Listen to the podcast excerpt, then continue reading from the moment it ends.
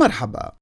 هذه حلقة جديدة من بودكاست إدارة بوست وهي حلقة ضمن مشروعنا قيم القادة المؤسسين الهادف إلى إبراز أهمية وفائدة قيم القادة المؤسسين في تشكيل وبناء ثقافة المنظمات ونجاح الشركات والمشاريع وذلك بصفتهم أبطالا وقدوات وتحويل قيمهم إلى نماذج مستفادة للتأسي المهني وإعادة تكييفها وتشكيلها في ممارسات ومؤشرات أداء سلوكية ومنظمية. كنا قد بدأنا السلسلة مع القائد المؤسس الحاج هايل سعيد أنعم من اليمن ثم الحاج محمود العربي من مصر. أما في هذه الحلقة فرائدنا هو مؤسس عجيب وآية من آيات الكفاح ونجم من نجوم التجارة والخيرية.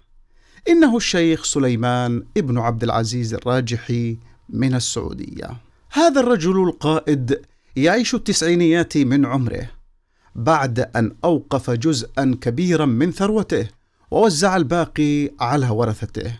هو من القادة الرواد الذين لم ينتظموا في تعليم رسمي كهيل سعيد أنعم والحاج العربي ولكنهم جعلوا من القيم وأخلاقيات العمل منظومة حياة ومدونة سلوك وعمل. إنه صاحب أكبر وقف في التاريخ الإسلامي. في هذه الحلقة نتعرف كيف بدأ من بيع الكروسين الغاز بجانب قصر الحكم بالرياض ليتصدر قوائم أغنياء العرب والعالم أكثر من مرة. لماذا رفض أخذ المساعدة المالية التي يمنحها الملك عبد العزيز رحمة الله عليه؟ لماذا يرفض ركوب الدرجة الأولى في الطائرة أو اقتناء طائرة خاصة؟ ما سر رياديته في تأسيس المصرفية الإسلامية في السعودية؟ لماذا لا يغير ملابسه إلا مرة أو مرتين في الأسبوع؟ ولماذا يكرر لبس ثوب عمره أكثر من ثلاثين عاما؟ ما أبرز ما جاء في وصيته. ولماذا أوصى ألا يقام له عزاء بعد موته؟ وغيرها من التساؤلات والجوانب التي نستكشفها معا ونسلط الضوء عليها في مسيرة حياته المهنية. كل الفائدة. إدارة بوست مع عبد العزيز القدسي. مرحبا وطابت أوقاتكم. نواصل معكم سلسلة حلقاتنا قيم القادة المؤسسين ضمن حلقات بودكاست إدارة بوست التي نستنبط ونستخلص فيها أهم القيم التي عاش بها واسترشد بها أهم نجوم الأعمال والريادة. أبطال العمل التجاري والمؤسسي في عالمنا العربي. فكانت سر وروح النجاح النبراس الذي يضيء والإشارات التي توجه والدافع الذي يحرك. أما قائدنا المؤسس هذه المرة فهو الشيخ سليمان ابن عبد العزيز الراجحي رجل عجيب فريد وفذ وآية من آيات العصامية والكفاح ورمز بطل من أبطال الخيرية والعطاء الإنساني. أطال الله عمره وهو يحيا التسعينات من عمره. إنه العصامي الذي بدأ من الصفر مكافحا متعففا وعاد إلى الصفر زاهدا واختياريا كما قال. يعد الراجحي صاحب أكبر وقف خيري في العالم الإسلامي. صنف كأكثر العرب سخاء وعطاء للخير وأعمال البر والإحسان والتبرعات.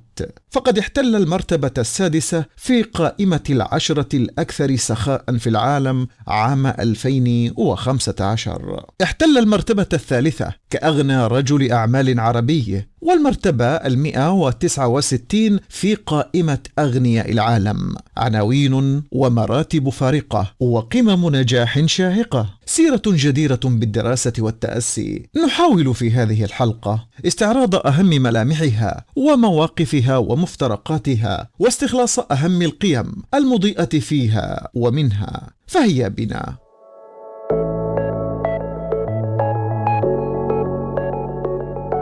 قيمة العمل والعصامية. المتأمل في حياة ومسيرة قائدنا المؤسس الراجح يدرك أن قيمة العمل والعصامية هي القيمة الحاكمة التي عاش بها وجسدها سلوكا وممارسة في مراحل حياته المختلفة. آمن بطلب الرزق والسعي له وعدم الركون للراحة والدعاء. لقد شغفه العمل حبا فكانت عزيمته قوية للعمل وطلب الرزق. ولد الشيخ سليمان ابن عبد العزيز ابن صالح الراجحي قرابة العام 1929 في البكيرية إحدى محافظات منطقة القصيم في السعودية. ونشأ ضمن عائلة فقيرة وسط ظروف حياتية صعبة ومنذ طفولته تملكه شعور بتحمل المسؤولية منذ وقت مبكر مسؤولية أمام الله ونفسه والآخرين من حوله. لا يعرف الاتكالية بل الالتزام بالعمل طريقا للنجاح والظفر وتوفير لقمة العيش بكرامة. يذكر أنه في بداية حياته لم يهتم بالحصول على المال الذي كان يوزعه الملك عبد العزيز رحمة الله عليه كمنحة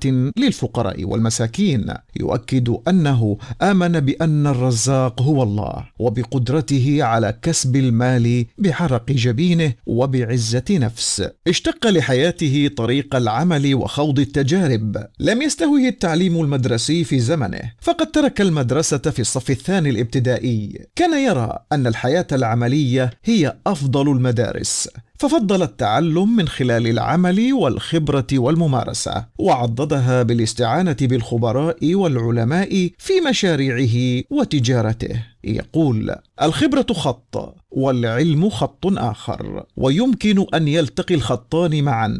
إذا وجدا معا فذلك هو النجاح بعينه. فأكثر العباقرة الذين أثروا العلم باختراعاتهم لم يكونوا من حملة الشهادات العالية ولا أنصح الشباب بترك العلم. وكذلك ألا تكون الشهادة هي المرجعية بل قاعدة أساسية يعتمد عليها الشباب.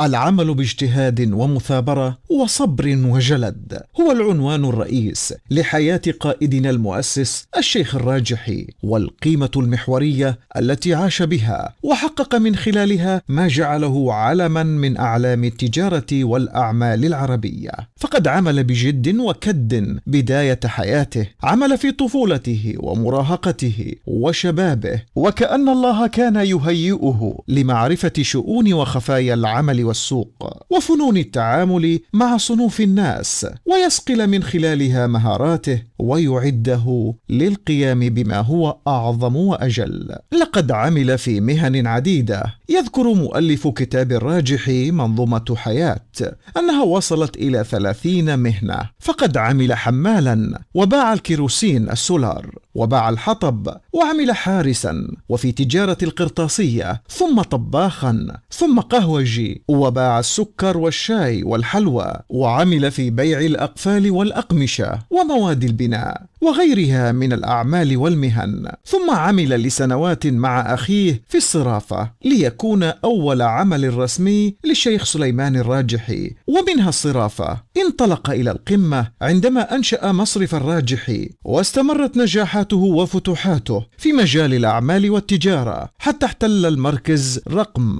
196 في لائحة فوربس لأثرياء العالم وتبوأ المرتبة الثالثة بين أثرياء العالم العربي. كان العمل محور حياته يقضي أغلب وقت يومه فيه. عرف بأنه يعمل أكثر من 18 ساعة في اليوم حتى وهو في سنوات عمره في التسعين. يبدأ يومه بعد صلاة الفجر يقول ابنه الدكتور محمد في تصريحات صحفية إن اجتماعات الوالد تكون في العادة عند السادسة صباحا. يعبر الشيخ الراجحي عن شغفه بالعمل قائلا. تمنيت لو كان الأسبوع تسعة أيام لقضيتها في العمل فالعمل صحة ونشاط وقوة وسعادة وهو يذهب الحزن من النفس فالله أعطانا العقل والعمر فيجب أن نستثمرهما في الطاعة والعمل في حد ذاته عبادة فيجب أن نحسنها. عند تأسيس بنك الراجح يروي أنه كان يدخل البنك وإفطاره عبارة عن ساندويتش مخبأ في جيبه ولا يخرج إلا مساء وكان هذا الساندويتش هو كل وجباته. ينصرف الموظفون الساعة الرابعة ويظل في البنك يراجع كل الأوراق والمعاملات المتعلقة به ويعمل عليها ويرتبها في ملفات خاصة. ثم يوزعها على مكاتب الموظفين المعنيين بها حتى يأتون في الصباح ليجدوها على مكاتبهم. يقول عن ذلك كنت أعمل بنيتين أن هذا العمل واجب ديني وعبادة وأجره عند الله ثم نية أن أبني وأحافظ على اسم الراجح فالناس ائتمنوني في أموالهم.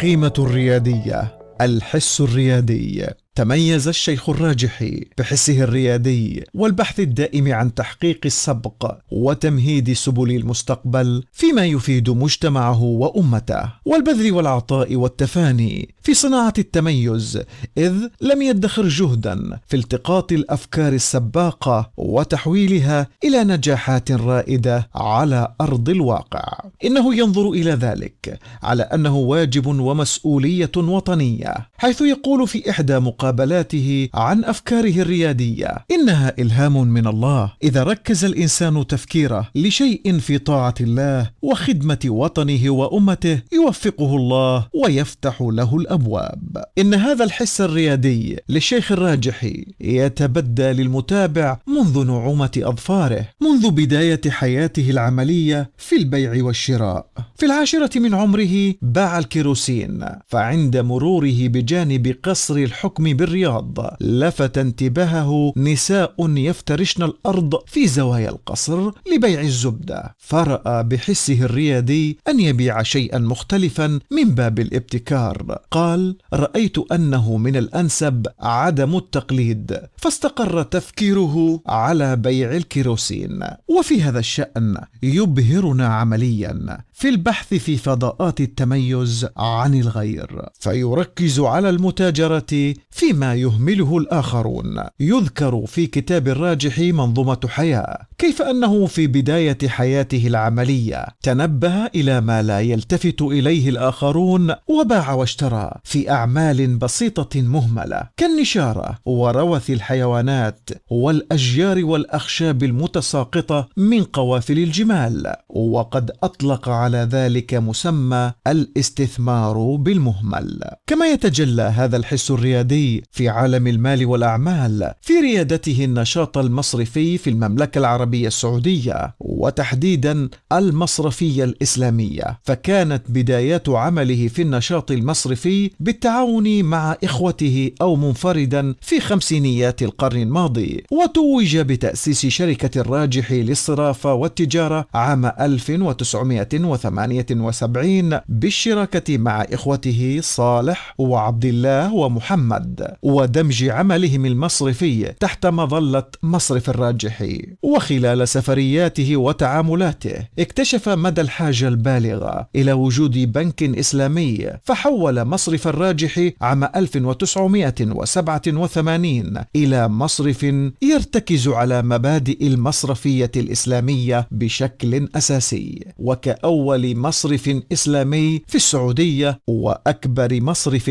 إسلامي في العالم. وعن بداية الفكرة الرائدة يقول الشيخ الراجحي كانت البداية بافتتاح مكتب للمصرفية الإسلامية في بريطانيا عام 1981 فكان النجاح الذي وافق عليه علماء الشريعة في السعودية آنذاك. يذكر أنه تقدم بطلب ترخيص رفض في بداية الأمر لعدم وعي المعنيين ومعرفتهم بالفكرة وآلية العمل. فذهب إلى لندن وقابل مدير البنك المركزي البريطاني واثنين من نوابه وتحدث معهم في أن المسلمين والمسيحيين يحرمون الربا. وبعد حديث مستفيض معهم اقتنعوا ودشن المصرفية الإسلامية هناك وحينها تجول في كل دول العالم وقابل مديري البنوك المركزية في الشرق والغرب شارحا لهم المصرفية الإسلامية. ولأن الرائد هو من يتقدم القوم باحثا عما ينفع الناس ويتحمل المخاطر فقد اقتحم رائدنا المؤسس الشيخ الراجحي مجال وصناعة الدواجن بإنشاء أكبر مشروع لإنتاج الدواجن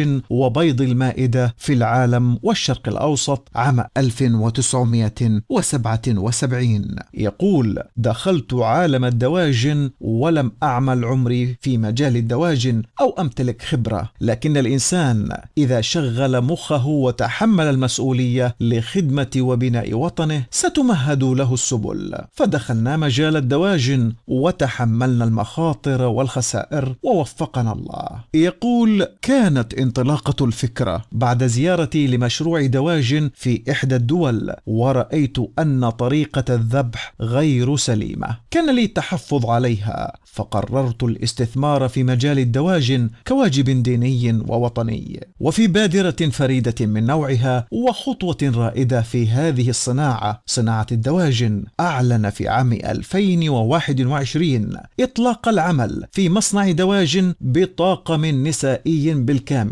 وبتشغيل طاقم نسائي يتمتع بخصوصية تامة وبيئة عمل مناسبة. وتتواصل جرأته الريادية في سعيه لحل مشكلة في مجتمعه. حين رأى نفوق الروبيان الجمبري وصارت الطيور تأكله فتنبه وسافر إلى عدد من الدول للاستفادة من تجاربها لإنشاء مشروع الاستزراع المائي. وقد كان ذلك بإنشاء شركة الروبيان الوطنية عام 2000 أحد الصروح العملاقة التي أقامها الراجحي بالشراكة. وحصلت على المركز الخامس والعشرين ضمن أسرع مئة شركة سعودية نموا.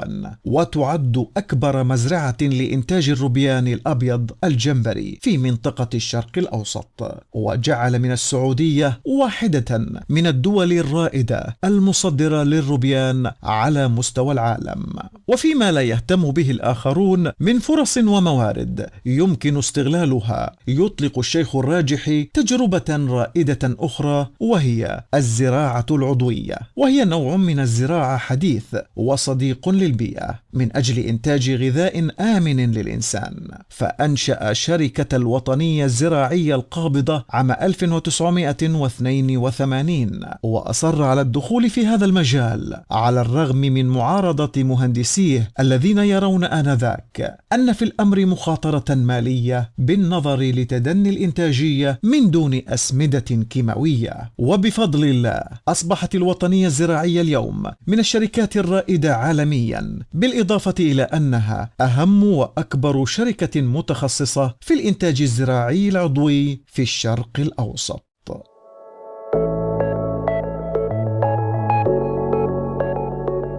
قيمة الاقتصادية والترشيد تمثل قيمة الحرص والاقتصاد وعدم الإسراف وإنفاق المال في غير حقه أسلوب ونهج حياة اتبعه الشيخ الراجحي ولعل تنشئته في أسرة فقيرة تعيش في ظروف معيشية صعبة وعيش حياة الكفاح والعصامية. جعلته يعي قيمة المال والموارد المتاحة. فقد كان يدبر عيشه بالقليل ليبقي ويوفر ما ينفعه وينفع الآخرين ويسد به الحاجات. في هذا الأمر ينصح الشيخ الراجحي رجال الأعمال وتجار المستقبل أن يكون القرش أهم من الريال والريال أهم من العشرة. والألف أهم من المئة ألف ومئة الألف أهم من المليون. أن يعيشوا بهذه الروح والنظرة إلى المال. يروي عن حرصه في الحفاظ على موارد شركاته وعدم الإسراف أنه كان شديد التنبيه على إطفاء المصابيح اللمبات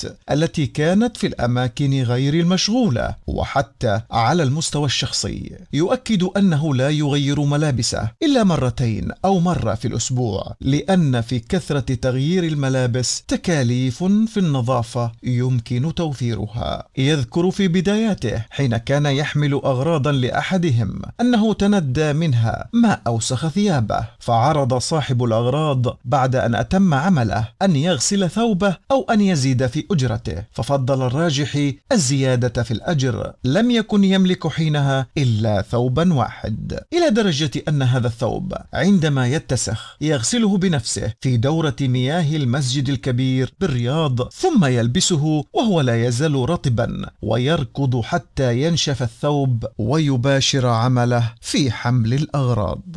يقول عن تلك الأيام لم أكن أتناول وجبة الإفطار أدخر القرش على القرش حتى تمكنت من إنشاء دكان بسيط خاص بي. أبيع فيه بعض السلع الاستهلاكية كالشاي والسكر والحلوى والكبريت. ومن خلال هذا العمل جمعت 1500 ريال وأنفقتها كاملة في زواجي فحققت رغبة والدي في الزواج وفي ملمح مهم في حياته وهو ركوب الطائرات. يقول لا أركب الدرجة الأولى فهي نفس السياحية. الطائرة تصل بنفس الوقت. لو أن رجل الأعمال ركب في السياحية ونوى نية صادقة أن يوزع فارق السعر في سبيل الله كان هذا أفضل. لا أمتلك طائرة ولا حاجة لي في ذلك. فهناك طائرة مجهزة قادرة على نقلي وتقديم الضيافة لي في الخطوط العامة. فلماذا أنفق اموالا في غير حاجتها. وحين سئل عن ذلك هل هو من البخل؟ رد قائلا هذا ليس بخلا بل تربية للعاملين معي في جميع المجالات سواء في المصرف أو في مشروع الدواجن أو في المشاريع الأخرى. ودوما أحاسب على التبذير والإسراف وحتى أبنائي أحاسبهم. وهذه تربية. لم يسبق أن أعطيت ابنائي الصغار مالا دون مقابل.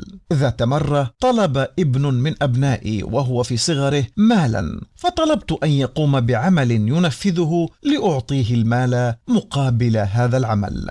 يستطرد قائلا نحن نعيش بعض الإسراف الذي لا ندركه وهو مؤثر في جملة حياتنا ويرهق كاهلنا ويمثل عبئا على الدولة. فمثلا ليس من المنطقي أن نغطي النوافذ بستارة ثقيلة لنشعل المصابيح في النهار بينما نور الشمس مجاني والمصابيح مكلفة. وأنا أعد هذه الحلقة تجاذبت أطراف الحديث مع صديق لي عن سيرة الشيخ سليمان الراجحي وحرصه واقتصاده. فقال لي يبدو أنه كان بخيلا فرددت عليه لا أعتقد أن ذلك بخلا يا صديقي. إنه يطبق عمليا قاعدة إدارية في بلوغ مستوى عال من الكفاءة. فجوهر كفاءة الفرد أو المنظمات هو الاقتصاد وعدم إهدار الموارد واستغلالها الاستغلال الأمثل ثم كيف يتهم بالبخل؟ وقد كان الرجل الأكثر سخاء وتبرعا عربيا والسادس عالميا عام 2015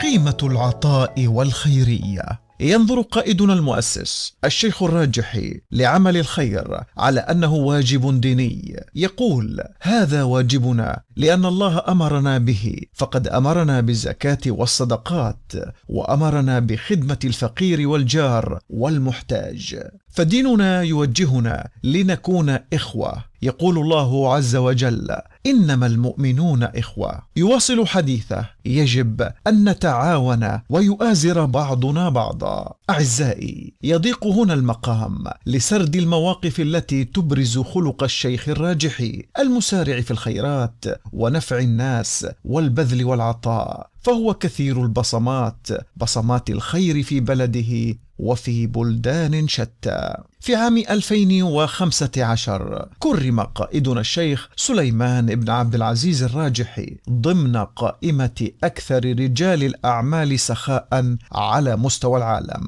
فوفقا لموقع Business Insider الذي أصدر القائمة بالتعاون مع مركز أبحاث Wealth-X المتخصص في تقييم الثروات حل الراجحي سادسا على مستوى العالم. فقد أسهمت تبرعات الراجح المقدرة بنحو خمسة مليار وسبعمائة مليون دولار. في إدراجه ضمن قائمة أكثر رجال الأعمال سخاء في العالم وتوزعت تلك التبرعات على الأعمال الخيرية ودعم الأنشطة الدينية والتعليم والصحة والقضايا الاجتماعية واللغة العربية. لم تشغل كثرة المشاريع الشيخ سليمان الراجحي عن العمل الخيري فقد دأب منذ شبابه به على حمل وتوزيع الزكوات بنفسه على البيوت المستحقة لها حتى واتته فكرة إنشاء جهة خاصة بالأعمال الخيرية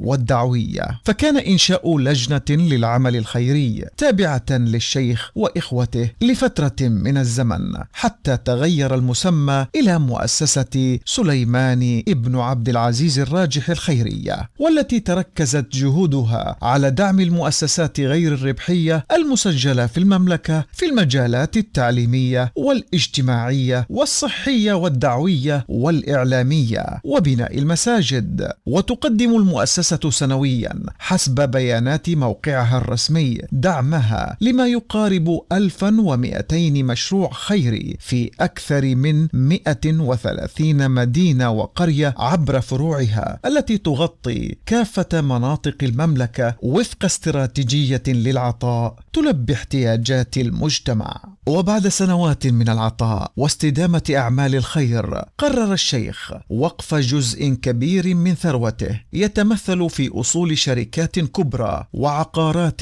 تمثل في مجملها رزقا لآلاف العاملين فيها وفق نظام حديث ومبتكر لإدارة الوقف الذي يعد من أكبر الأوقاف في التاريخ الإسلامي. وقد سجلت موسوعة جينيس للأرقام القياسية مزرعة الراجح كأكبر وقف خيري في العالم ويبلغ عدد النخيل فيها 200 ألف نخلة. لقد أوقف أغلب مشاريعه لوجه الله وأنشئت شركة سليمان ابن عبد العزيز الراجح القابضة لهذا الغرض وقف سليمان الراجحي وقد صرح في إحدى المقابلات عام 2017 أن قيمة الوقف يزيد عن 60 مليار ريال ويستثمر هذا المبلغ في مجالات مالية وعقارية وغذائية وزراعية وصناعية وتعليمية وتقنية.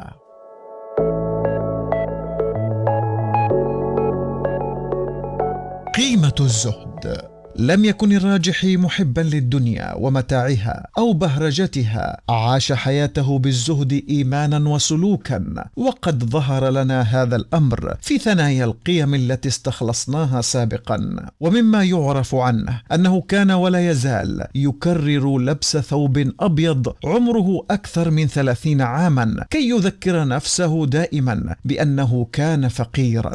ولا ينسى ماضيه وبداياته. يقول أنا لا أرفه عن نفسي بل أتعمد لبس ثوب مضى عليه ثلاثين عاما لكي أكسر هذه النفس وأردعها وأذكرها بماضيها خصوصا إذا كنت في رحلة برية. وفي حديث آخر يقول لماذا علي خلع ثوب الأمس؟ إننا نحتاج كثيرا إلى أن نتذكر تفاصيل الأمس. ليس للتلذذ بأيامه أو الأسى على أحزانه. ولكن لأننا نحتاج بين وقت وآخر إلى إعادة التوازن إلى حياتنا. لأن هذا مهم عندي فإن تفاصيل حياتي السابقة حاضرة دائما في ذهني. أعتمد عليها في الثبات على منهج حياتي. وشكر الله إن شكر الله يشمل عدم الجحود بنعمته وعدم الإفراط فيها. فما يضير الإنسان لو تذكر معاناة الفقر والجوع والتعب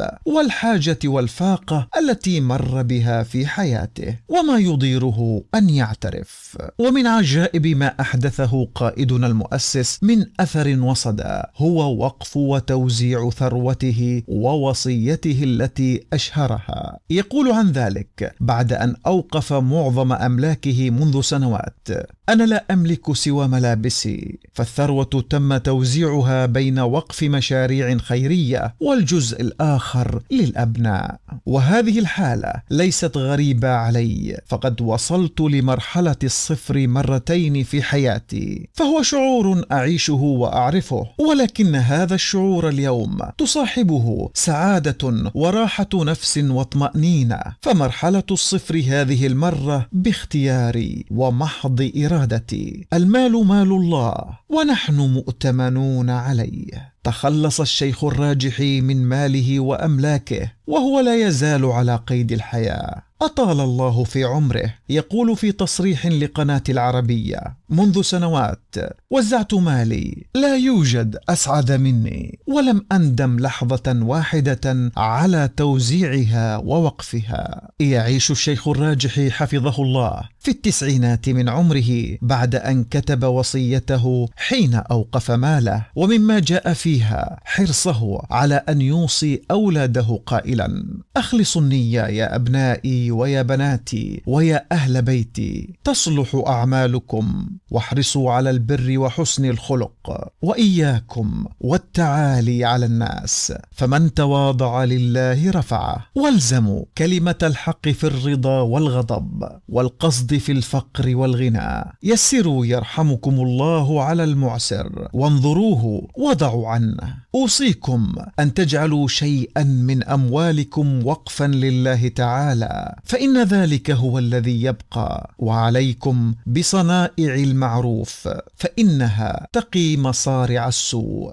وعليكم أن تعطفوا على الفقراء والمساكين والأرامل وتتلمسوا حاجاتهم. كتب الراجح يوصي إخوته وأبناءه وبناته وزوجاته ألا يقام له عزاء بعد موته وأن يتم التبرع بكلفة ذلك. للجمعيات الخيرية. رضي الله عن قائدنا المؤسس الشيخ سليمان الراجحي حيا وميتا. إلى اللقاء. إدارة بوست مع عبد العزيز القدسي.